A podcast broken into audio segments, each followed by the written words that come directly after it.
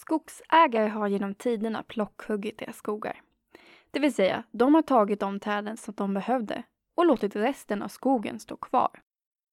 Idag forskas det en hel del på så kallade kalhyggesfria metoder och i övriga Europa har allt fler länder ställt om till ett kalhyggesfritt skogsbruk. Anledningarna är många.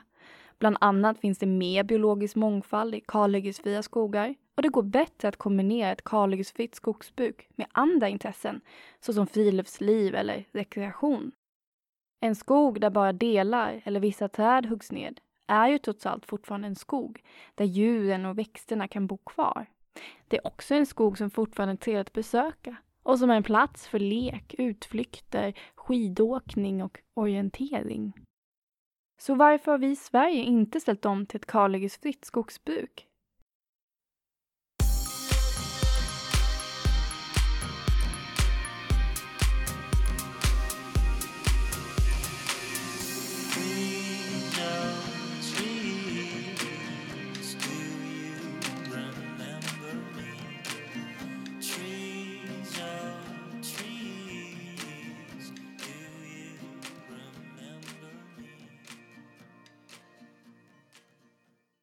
Ett argument som ofta dyker upp i debatten är att kalhyggesfria metoder inte ger lika stor ekonomisk avkastning som om du skulle hugga ned hela skogen.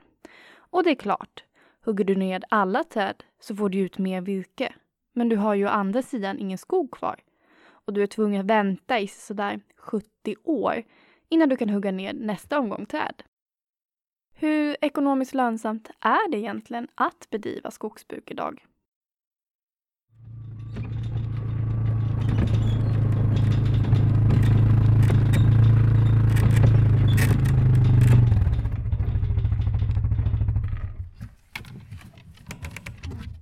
Gud vad fina hus! Vilka ja. fina kojor! Ja.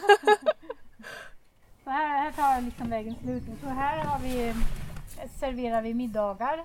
Det är grupper, mm. upp till 16 personer. Mm. Och sen har vi ett till litet äh, trädhus där nere. Och sen har vi badhuset där det är liksom bastu och badtunnor och duschar och toaletter och lite sånt där. Jag är hos Ulrika Krynitz och Håkan Strotz. De är två av alla privata markägare som äger skog i Sverige. Omkring 50 procent av all skog i Sverige ägs nämligen av privatpersoner. Ulrika och Håkan köpte sin gård för lite drygt 20 år sedan i förhoppning om att få använda sina kunskaper om skog och skogsbruk. Ulrika är nämligen skogsbiolog och Håkan jägmästare. Totalt äger de en markyta på 40 hektar och av dem är 30 hektar skog.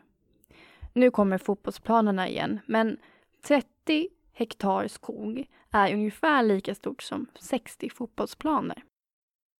På sina 30 hektar har de lyckats kombinera skogsbruk, naturvård och en turismverksamhet.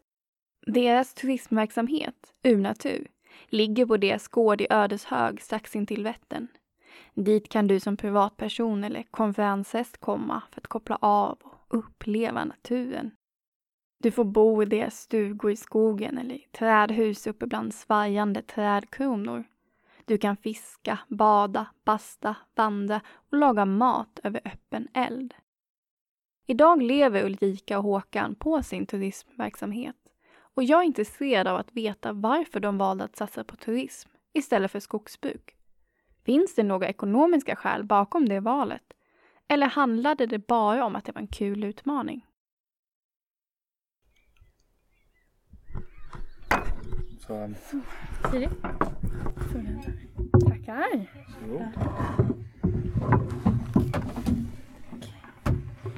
Och varför började ni med varför började ni med liksom den här typen av turism? Ja, ja det, är en väldigt, det är en väldigt bra fråga. Alltså, eh, vi kan ha lite olika versioner kanske. Så att, att om, om jag börjar lite så kan Ulrika fortsätta eller fylla på.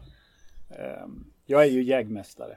Och om man nu vill förenkla saker lite grann så, så eller generalisera nu som man ofta säga att man inte ska göra. Men när jag hade läst ett antal år på Skoge så insåg jag att eh, som jägmästare då hamnar man på ett kontor. Eh, det där med skog det, det, blir mest på pappret och i konferensrummet och, och, så vidare och så vidare. Och jag kände, det var inte därför som jag intresserade mig för skog. Utan jag kände, jag, jag, vill, jag vill jobba med skog på ett konkret sätt. Eh, fundera över skog, se alla möjligheter med, med skog. Så att eh, vi köpte den här gården och, och, då var vi väl ganska inställda på att eh, det är väl skjutsingen alltså. Om man har tio års akademisk utbildning tillsammans så ska man klara av att odla potatis och, och, och försörja sig på en svensk jordbruksfastighet. Eh, men då upptäckte man ju ganska snart att, att det här med skogsbruk och jordbruk är enormt arealkrävande om man ska kunna försörja sig på det. Eh, må hända om man har bästa åkermarken i, i Sverige att man kan försörja sig. Men kort och gott den här gården då som är 40 hektar, det är omöjligt att leva på den. Eh, och det ena har ju lett till det andra och vi har funderat och, och precis som i all annan företagsverksamhet så, så pratar man liksom om Eh, gör en marknadsanalys. Fundera ut på vad, vad vill marknaden betala för? Vad vill den inte betala för? Och om jag gör en sån analys utifrån en skog, låt säga våran skog som är 30 hektar. Det är fullständigt uppenbart att marknaden är inte villig att betala särskilt mycket pengar om vi hugger ner den. Det kan vi inte, alltså det, skogen kan generera eh, max ett eh, månadsarbete per år på den här fastigheten. Och så säger en månad till i inägomarken. Då har vi två månadslöner. Ja, då får vi pendla och jobba någon annanstans. Men om man nu istället ägnar sig åt, åt den här verksamheten som, som vi gör, alltså besöksnäring, turism, kurser, utbildningar. Då helt plötsligt så, så, så är det någonting som människor vill betala för och som uppskattar enormt mycket och vi kan leva på våran skog. Vi behöver inte åka någon annanstans och skogen står kvar dessutom. Vi får dessutom pengar över för att ägna oss åt väldigt mycket naturvård här på fastigheten. Eh, och kulturvård. Så att, att å ena sidan skulle man kunna säga så här, det här låter ju bara för bra för att vara sant. Eller också skulle man kunna säga, ja, men han måste ju ljuga. Eh, men nej, det är nog varken heller. Alltså, eh, det funkar så helt enkelt. Alltså tiderna har förändrats. På 50-talet så, så var det en annan situation och, och Visst, vi har byggt stor del av svensk välfärd på, på svensk skogsråvara. Men idag, det är, inte, det är inte en ideologisk sak vad vi ska ha svenska skogen till. Det är, det är ett nationellt intresse. Alltså det handlar om svenska arbetstillfällen. Det handlar om Sveriges framtid. Att fortsätta att hålla på med en näring som vi har hållit på med i åtminstone hundra år som ser precis likadan ut. Det finns hur många företagsexempel som helst. Det klassiska är Facit i Åtvidaberg. Eh, man sa att, att miniräknare det kommer aldrig liksom och så gick det åt pipsvängen för dem. De gick i konkurs. Vi behöver på något sätt inse att det finns en massa värden vi har ute på landsbygden som människor runt om i världen är beredda att betala ganska rejält mycket pengar för att få uppleva, känna eh, och då kan vi leva på landsbygden. Så, så, så enkelt eller så svårt är det. Eh, det var en ganska lång utläggning men Eh, men, så det här vart väl en blandning av liksom, var, varför har vi startat det här och vad är det som är drivkraften att hålla på med det här? Det är alltså mer ekonomiskt lönsamt för Ulrika och Håkan att bedriva en turismverksamhet. Låt oss säga att Håkan och Ulrika tröttnar på sitt turistföretag och bestämmer sig för att hugga ner all skog. Då skulle de få ut någonstans mellan 1,5 till 2 miljoner kronor. Det är lika mycket som deras turistföretag Urnatur omsätter på ett år. Och sedan skulle de få vänta i 70 år tills träden blivit tillräckligt stora för att huggas en andra omgång. Inte undra på att de valde att satsa på turism istället. Faktum är att det inte är lika ekonomiskt lönsamt att bedriva skogsbruk idag som det var under 1950-talet.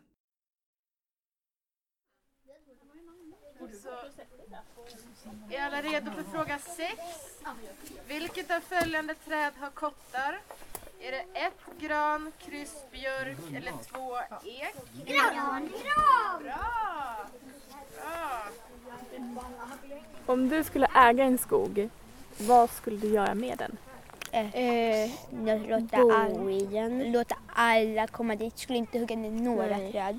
Kanske något för att bygga en koja. Ja. Men Om någon hugger ner något träd så får den ett skulle, skulle låta alla komma in som ville.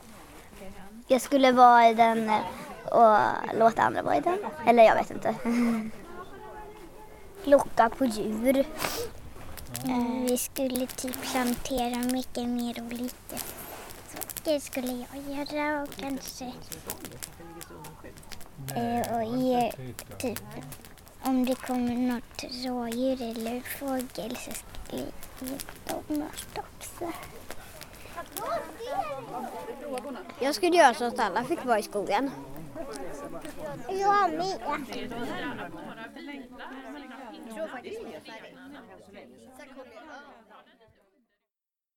2014 var skogsnäringens andel av BNP 2,3 procent. Skogsbruket sysselsatte omkring 15 000 personer och hela skogsindustrin 83 000 personer. Men så har det inte alltid sett ut. Skogsindustrins betydelse för samhällsekonomin har under de senaste decennierna minskat ganska drastiskt. Turistnäringens andel av BNP var 2,8 procent under samma år, det vill säga en halv procent högre. Näringen sysselsatte också fler människor. Omkring 165 400 personer jobbade med turism under 2014. Och dessa siffror ökar för varje år som går. Enligt internationella prognoser kommer också den globala turismen att öka med cirka 3% per år fram till 2030. Sverige har en bra chans att ta del av den här ökningen då många kommer hit just på grund av vår natur. Även vi svenskar spenderar en hel del pengar på vår natur. Friluftslivets förädlingsvärde uppgår nämligen årligen till cirka 34 miljarder kronor, eller omkring 1 procent av BNP. Totalt spenderar vi svenskar 100 miljarder kronor per år på vårt friluftsliv. Men det här förutsätter att det även i framtiden finns vackra naturskogar kvar och inte bara gran och tallplantage. Men vad är då fördelarna med så som ni bedriver skogsbruk? Alltså det är ju helt uppenbart hos oss. Man, man kan till exempel göra ett räkneexempel som, som är väldigt slående. Och det är att den skog vi har den kan omsätta, alltså hur mycket pengar, om vi, om vi skulle driva ett trakthyggesbruk då, om vi skulle göra kalhyggen jämnt spridda här då, enligt en modern skogsbruksplan eh, så skulle vi få in ja, kanske 30 000 per år i skogen. Och sen ska vi betala kostnader och skatter och sånt där på det givetvis då. Men om vi har ett ganska normalt gäng här, låt säga 15 stycken från ett företag eller om vi har 15 privatpersoner här en helg. Då omsätter vi lika mycket pengar.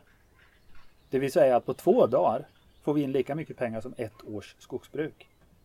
Men då är det slutdiskuterat. Alltså det ekonomiska intäkten på den här fastigheten idag från skogen är helt ointressant. Och vi vore ju kompletta idioter om vi börjar hugga i skogen här. Det, det är ju totalt vansinne helt enkelt. Rent ekonomiskt, det är ingen ideologisk, det är ingen fråga om, från det här fallet, om biologisk mångfald eller sådana värden. Poängen är ju att vi har kvar all skog. Eh, sen har vi ju huggt skog, vi har byggt alla husen av egen skog. Så vi har sågat ungefär ja, 2000 träd i runda slängar. Eh, men det, det står ju mer skog i kubik här nu än när vi köpte gården. För vi har aldrig huggit i närheten av tillväxten. Eh, så att det vi gör, alltså rent konkret, det är ju att Låt säga att vi ska bygga ett hus nu. Så räknar vi ut på ett ungefär så här stort ska huset vara. Då vet man hur långa stockarna ska vara. Man vet vilket träslag man vill ha. Man vet ungefär vilken grovlek man vill ha på stockarna. Då, då går jag runt i skogen och letar rätt på de här träden. Och så säger vi att jag hittar de här tio träden. De här tio träden funkar jättebra till, till det här huset. Men vänta här nu. Eh, den tallen den vill jag inte ta bort för den är solbelyst och står där jättefint. Då får den stå för naturvärdena. För jag kan ju ta en annan tall. Så letar jag rätt på en annan tall och sen kanske jag tänker, men vänta här nu, det kanske finns vissa tallar här som, som borde huggas bort för att skapa lite mer ljus i skogen till exempel eller vad som helst. Så, så att först vet vi vad vi vill ha och sen lägger vi liksom en naturvårdsaspekt. För vi har ju liksom råd med det. Va? Vi behöver ju inte hugga ner alla träden. Så vi kan ju gå och plocka och på något sätt, och det är ju det som är roligt. Då får jag en utmaning som jägmästare. Alltså, Svenskt skogsbruk idag, nu tycker jag mig ju väldigt raljant alltså, men det är ju som att odla potatis. Alltså vi sår och sen så skördar vi och sen så, så rotar vi runt i backen och så sår vi igen. Skillnaden är ju att potatis går på en sommar och, och, och skogen tar kanske 80 år då. Va? Om man skulle sköta en skog på ett sätt som gynnar både naturen, kulturvärdena och den privata markägarens ekonomi. Då blir det en utmaning för då måste man ta hänsyn till alla trädindivider. Så återigen, 50% av Sveriges skog är privatägd. Och, och, och, man önskar att fler privata markägare skulle liksom se charmen och, och fascinationen i att, att, att bruka sin skog på ett långsiktigt, hållbart, estetiskt stimulerande sätt. Och när jag läste jägmästare då, jag fick lära mig ett ord och det, det var lite som man skulle bära med sig med stolthet liksom. Och det, det var god skogshushållning. Och det innebar att ägde man skog då hade man liksom alltid, man kunde alltid gå till skogen och hämta när man behövde någonting. Men alltså många gårdar idag, det är bara ungskog alltihop. Skulle de vilja timra ett hus, det går inte för det finns inga träd på fastigheten. Det är inte bara ekonomiskt gynnsamt att bedriva en turismverksamhet. Det är också ett mer skonsamt sätt att bruka skogen på, där svampar, fåglar och blåbärsris får växa och frodas. Att Håkan och Ulrika plockhugger sina skogar gynnar också den biologiska mångfalden och ekosystemen. Även besökare och allmänhet uppskattar det vackra skogslandskapet där tall möter björk som möter fink som möter hare. Och det är en härlig upplevelse att få gå runt i deras skog och få ta del av naturen och deras fascinerande stugor och trädkojor. Om du vill kan du knalla vidare fram bara ja.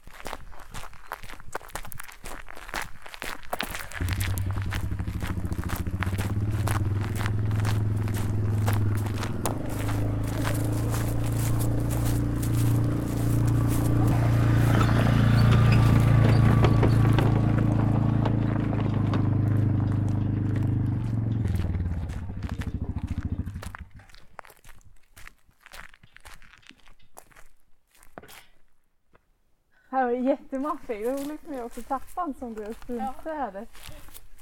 Hur, många, hur stora olika grupper är det som kommer? Eh, hur?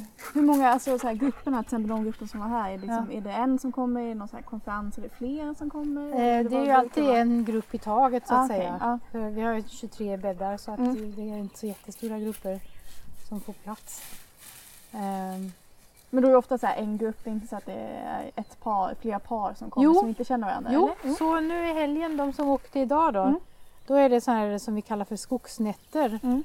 Eh, och då är det Hailey, sluta! Hailey kom! Ja. Eh, så de, de bokar in sig, ofta helger då, lördagar och sen kommer de eh, så bokar de en stuga så får de liksom välja själv vilken stuga. Mm. Och så ingår det middag på kvällen och eh, eh, bastu, badtunna och frukost. Eh, så det är liksom lite det konceptet och sen om, de, om det är bra väder och de har lust och, så får de låna båtar och så idag var det en familj som var ute och paddla kanot. Det var ju så härligt vindstilla i morse. Mm. Så, så äh, ja, så det är väl lite båda de grupperna, liksom privatpersoner som är lite begränsad vår och höst eftersom de ju ofta bara har tid på lördagar. Eh, och sen på sommaren då har vi det här sommarboendet som man kommer eh, och kan boka in sig flera nätter mm. om man vill. Men då, då gör vi ingen mat men vi har ett utomhuskök där, vi, där de kan laga mat själva med liksom grönsaker som kommer från gården som vi odlat själva. Då. Mm. Ja, men ähm, Ja, och så, så då, de två stugorna där är fyra personer i, varje. Vill du titta in i någon stuga? Jättegärna. Jag tycker det ser jättefint ut. Ja.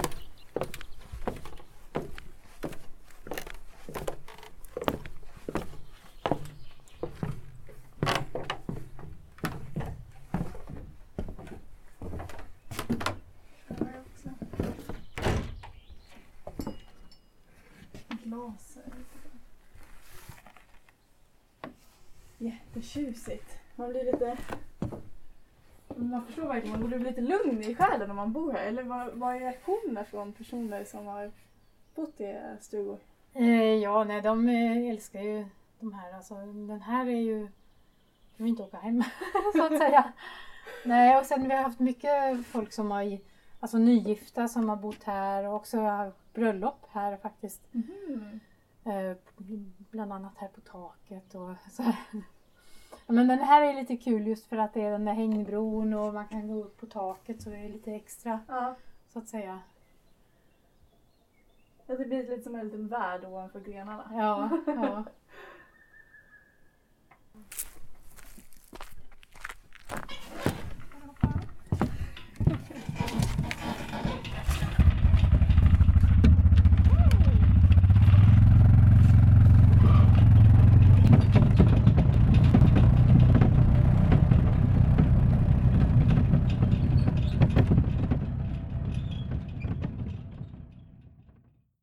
Att kalhugga skogar är inte det enda alternativet.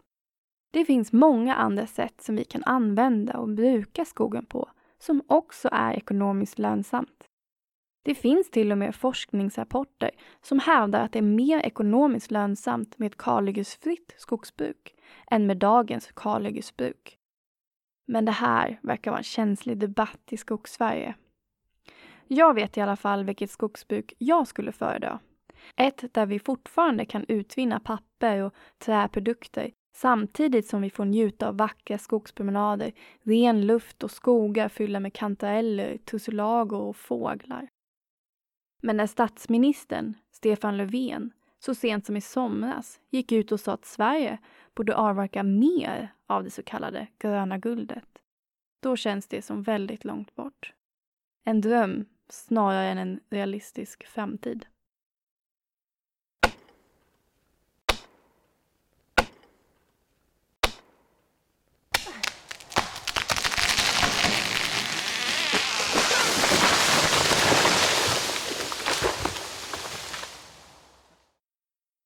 Vart är vi på väg?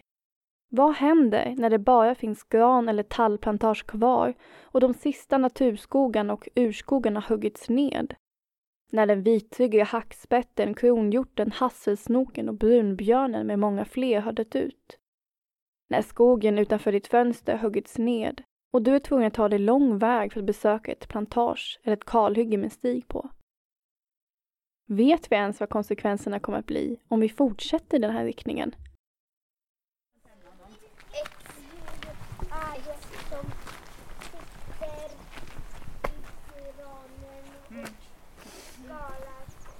Är skog viktigt? Nej. Ja. Jo. Jo. Det är med stor, kolla. Ja. Varför då? För djuren. Ja, ganska. Varför då? För...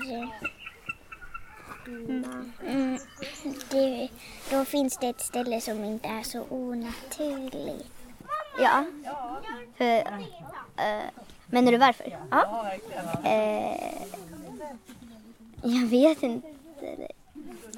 Man kan göra typ så här papper och så, träd och så. Och det finns frukter och sånt. Eh, ja. Ja. Varför då? För Eh. utan träd kan inte människor leva. Och sen så... Men det är bra för att. Bara för att. Citat. Dagens skogspolitik är till stor del utformad långt före EU-medlemskap, klimatkris, miljömål och ekosystemtjänster. Sverige behöver en ny skogspolitik som möter framtidens behov och utmaningar. Det skriver Naturskyddsföreningens ordförande Johanna Sandahl i en debattartikel i januari i år.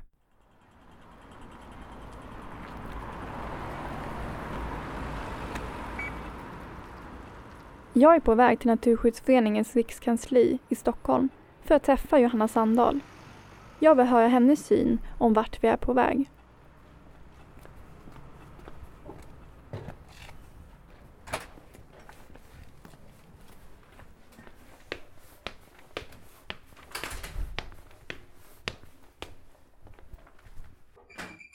Hej! Hej!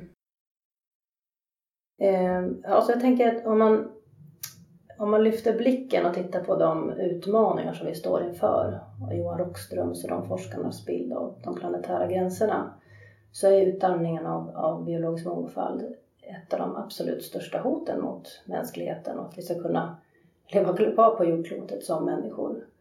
Så jag tycker man ska se i det perspektivet att den biologiska mångfalden måste värnas och stärkas eh, överallt. Och det gäller självklart även skogen. I Sverige så hyser den, den, den svenska skogen hyser en väldigt stor del av vår biologiska mångfald. Så jag, jag tycker man ska se det perspektivet att den biologiska mångfalden och artrikedomen är väldigt central för framtiden och eh, den behöver finnas kvar och stärkas. Och människors användning av skogen? Ja, det är ju, alltså för väldigt många människor så är ju skogen en otroligt viktig del för rekreation och för liksom mental, mentala hälsan. Och, eh, skogen, men skogen kan ju se väldigt olika ut. Alltså, men, olika människor har ju olika älsklingsskogar.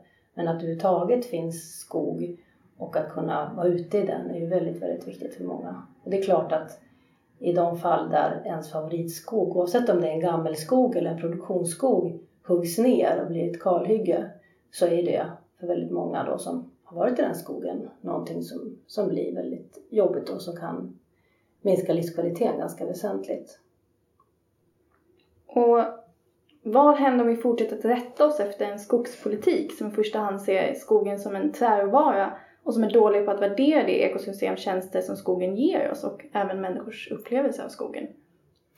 Ja, så dagens skogspolitik ska ju värdera produktion och miljö lika mycket. Men i praktiken är det ju faktiskt inte så. De två målen väger inte lika tungt i praktiken. Eh, och eh, ja, alltså, jag tror att eh, jag tror att vi får ångra oss på sikt helt enkelt. Eh, om vi inte tar hänsyn till, till de värdena som också finns. Jag menar produktion av råvara är ju absolut en viktig del av, av skogen. Men eh, det, det får inte bli för ensidigt utan det är jätteviktigt att prioritera och värdera alla andra värden, ekosystemtjänsterna inte minst, eh, sociala värden och eh, ja, allt det här andra som också har minst lika stor betydelse. Det finns alltså en risk för att vi utarmar den biologiska mångfalden och överskrider de planetära gränserna om vi fortsätter att kalhugga våra skogar. De planetära gränserna är ett koncept där nio olika områden har identifierats som livsviktiga för livet på jorden. Och där forskare har satt olika gränsvärden eller tak som vi måste hålla oss inom för att vi människor ska kunna leva vidare idag och imorgon. Om vi överskrider dessa gränser kommer det att få allvarliga konsekvenser för allt liv på jorden. Ett av dessa nio områden är just biologisk mångfald. Och vi har faktiskt redan överskridit det gränsvärdet. Då borde vi ju vara ännu mer rädda om att bevara den biologiska mångfalden i skogen.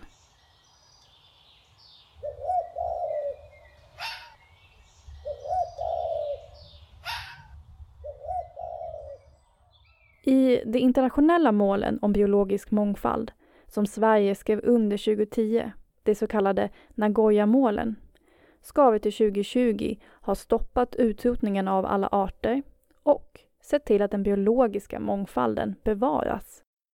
För att kunna nå målen ska också 17 procent av skogen skyddas. Idag har bara 4 procent av skogen ett formellt skydd.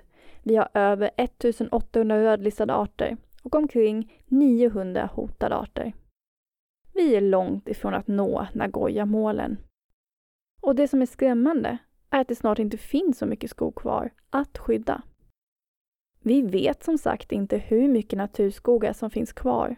Och av den produktiva skogen uppskattar myndigheterna att det finns mellan 3,8 till 6,4 procent värdefull skog kvar. Finns det någon chans att vi kan vända den här utvecklingen och nå målen till 2020? Eller är loppet redan kört? Så om du skulle sammanfatta, vart är vi på väg?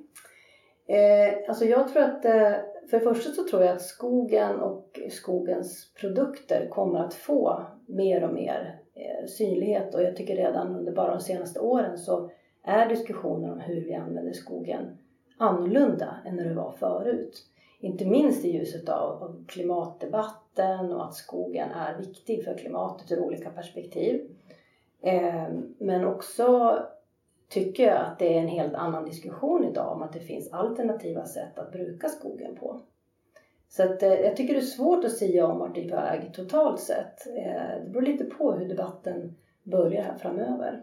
Men om man skulle säga då att vi fortsätter på samma spår som är nu, det säga ja. kalhugga skogar och, liksom, och just det här när de här två olika målen inte är lika mm. mycket värda. Var, vart är vi på väg då om vi fortsätter i den riktningen? Ja, så jag, jag ser ju det här, alltså, om man nu ser på det övergripande hotet om att eh, vi utarmar den biologiska mångfalden så är vi på väg åt fel håll förstås. Men jag har förhoppningar om att vi skulle kunna vända den här skutan som är verkligen en atlantångare som ska vända eh, ändå, det tror jag. Okej, okay, det är inte helt kört än. Men då måste saker och ting börja förändras väldigt snart. Och vi har några tuffa utmaningar framför oss. Inte minst då klimatförändringarna ställer nya krav på vad skogen ska användas till.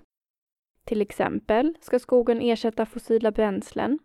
I stort sett allt du gör av olja kan du faktiskt göra av skog. Skogen ska användas till biobränsle, det vill säga fylla våra bilar med bränsle. Skogen ska fungera som en koldioxidsänka, det vill säga binda och på så vis minska koldioxiden och andra växthusgaser som finns i atmosfären. Och mycket, mycket, mycket mer. Skogen ses som en träråvara att göra papper och kartong av, men det är ju bara en bråkdel av, av allt vad skogen ger oss. I och med klimatförändringarna ställs dessutom nya krav på skogen och vad den ska användas till. Vilka politiska förändringar måste till för att skogsvårdslagen ska bli mer modern och kunna möta framtidens utmaningar? Mm. Och det är ju verkligen så att förväntningarna på vad skogen ska leverera är ju väldigt, väldigt högt ställda. Alltifrån att den ska vara en kolsänka, alltså att eh, absorbera koldioxid och eh, ja, minska helt enkelt eh, växthusgaserna i atmosfären till att producera sånt som kan ersätta produkter som är tillverkade av fossila bränslen. Och dessutom fortsätta tillverka sånt som vi idag får av skogen, alltifrån blöjor till kartong och allt vad det kan vara för någonting. Och självklart kan det inte fortsätta så. Alltså det, även fast skogen är en, en förnybar resurs så är den inte oändlig. Och vi kan liksom, även om vi struntar i alla miljömål så, kan, så tar ju skogen slut om vi verkligen skulle gå hårt fram och avverka totalt. Liksom. Så så kan det inte vara. Och jag tror att vi behöver ha ett klokt tänk kring det här med substitution. Vi pratar mycket om substitution, att, att eh, skogens råvara ska ersätta fossila bränslen och fossila alltså produkter av koldioxidintensiva material, alltså stål och betong ska ersättas av eh, eh träråvara för byggnader eller eh, biobränslen i våra tankar eller eh, all, grön kemi kommer ju nu, man ska hitta råvaror ur skogen och, och så vidare och så vidare. Och visst är det så att eh, man kan utvinna produkter av delar av skogen som hittills inte har, har använts, lignin till exempel. Men det är klart att det finns en, någonstans blir en undanträngningseffekt. Och jag tror att man ska, det är viktigt att vi har en klok tanke om hur den ordningen ser ut och att eh, en politik också stimulerar till det som vi verkligen vill ska prioriteras från skogen. Och det är förstås en diskussion man måste ha. Alltifrån allt ifrån då att bygga i trä till att ha eh, biobränsle i tanken och så vidare. och Så vidare. Så om du skulle liksom sammanfatta Eh, vad behövs liksom i, i skogsvårdslagen? Vad behöver göras för att ja, jag, jag tror en, en, väldigt, en väldigt viktig del i skogsvårdslagen det är ju att, att värdera, att den tar hänsyn till andra värden eh, på ett mycket tydligare sätt än hur den är utformat idag.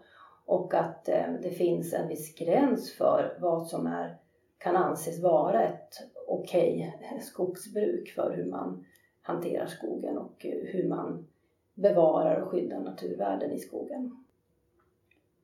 Och skulle du kunna måla upp bilden av framtidens skog? Hur ser den ut? Vad används den till? Vem är den till för och vilken roll har skogsbruket i den? Ja, det är en jättestor fråga. Eh, jag, jag har en, en dröm om en, en skog som vi, vi brukar aktivt absolut. Eh, men där man har, tar mycket större hänsyn till, till andra värden än just det som liksom kan, kan omsättas i, på världsmarknaden. Ehm, eh, och det behöver vi förstås en skogspolitik som backar upp det med olika styrmedel och så vidare. Eh, skogen ska användas till att ersätta fossila bränslen eller fossilprodukter som baseras på fossil råvara. Men också för rek rekreationssyften eller helt enkelt bara njuta i skogen som många av oss gör.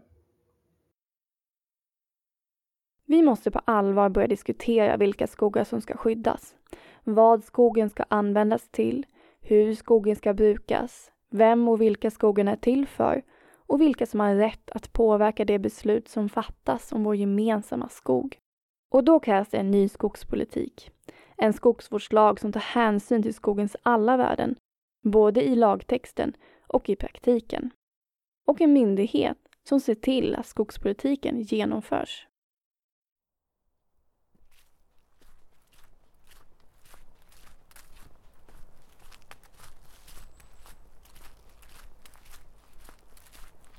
Det är sen höst. Fågelkvittret har för länge sedan tystnat och löven ligger brungråa på backen. Jag är ute och går min barndomsskog och för första gången i mitt liv ser jag verkligen skogen. Jag ser unga björkskott, höga aspar och små, burriga granar. Jag ser lila ljung, gult blåbärsris och några trötta ormbunkar. I ögonvrån skymtar en liten skogsmus och jag hör hur det prasslar bland löven i skogen. Jag vet att jag inte är ensam. Jag ser stockar som långsamt förmultnar på marken och grön mossa som envis försöker växa sig stor. Det börjar klia lite på huden när jag tänker på alla småkryp som bor här. Och jag möter människor. Människor som är ute och går, joggar, cyklar, rider. Människor som pratar i telefon, med varandra, för varandra och för sig själva. Människor som visslar, lockar på hunden och hejar när jag går förbi. Hej, hej!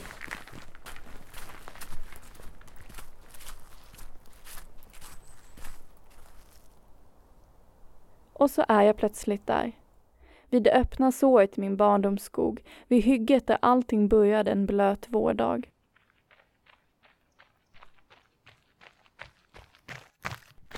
Men vad i... Vad fan? Mycket har hänt sedan den dagen och jag har under min resa in i skogen blivit chockad, frustrerad och arg. Att vi behandlar skogen på det här sättet får mig att tappa hakan.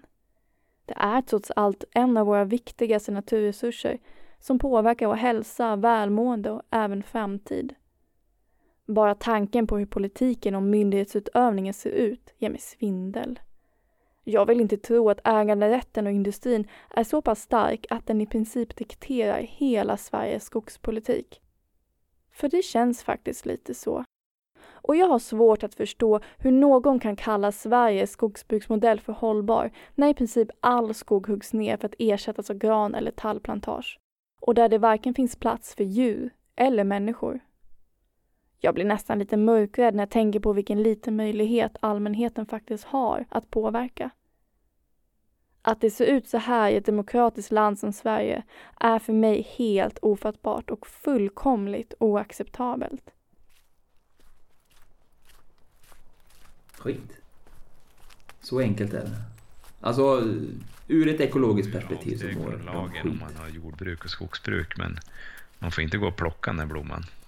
Du får köra över x antal blommor med skogsmaskin men du får inte plocka en. Det finns en massa värden vi har ute på landsbygden som människor runt om i världen är beredda att betala ganska rejält mycket pengar för att uppleva. Ett av de absolut största hoten mot mänskligheten och att vi ska kunna leva kvar på jordklotet som människor. Rollator, då kan man inte ta sig så jättelångt.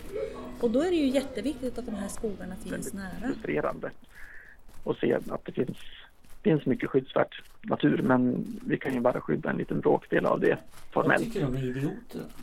Därför att de går näringens ärenden.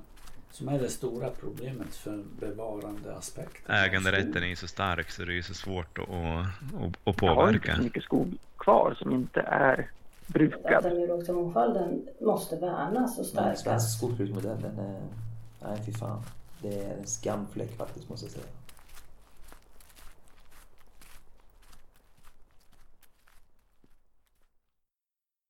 Klumpen i magen är kvar. För det skrämmer mig att vi har så pass lite naturskogar och värdefulla gamla skogar kvar. Och klumpen minskar inte precis när jag reser genom Sverige och allt jag ser är plantage och kalhyggen. Oavsett om jag reser genom Småland eller Dalarna. Överallt ser de raka raderna av gran och tallplanteringar. Jag ser de djupa och breda såren jag ser spökskogarna där det inte finns någon mångfald, inga människor, inget liv. Så vad gör jag nu? Vad svarar jag mina barn när de frågar mig vad jag var när de sista riktiga skogarna föll? När de vill veta hur en järv, kungsörn eller violgubbe såg ut? Jag hoppas att de aldrig kommer behöva fråga och om de gör det, att jag kan stå med ryggen rak och säga att jag gjorde vad jag kunde.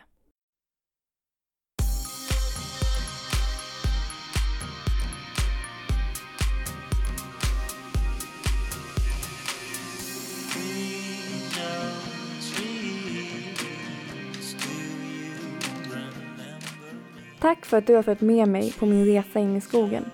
Jag heter Petra Mattsson och du har lyssnat på podcasten Det var en gång en skog, avsnitt 4 av 4.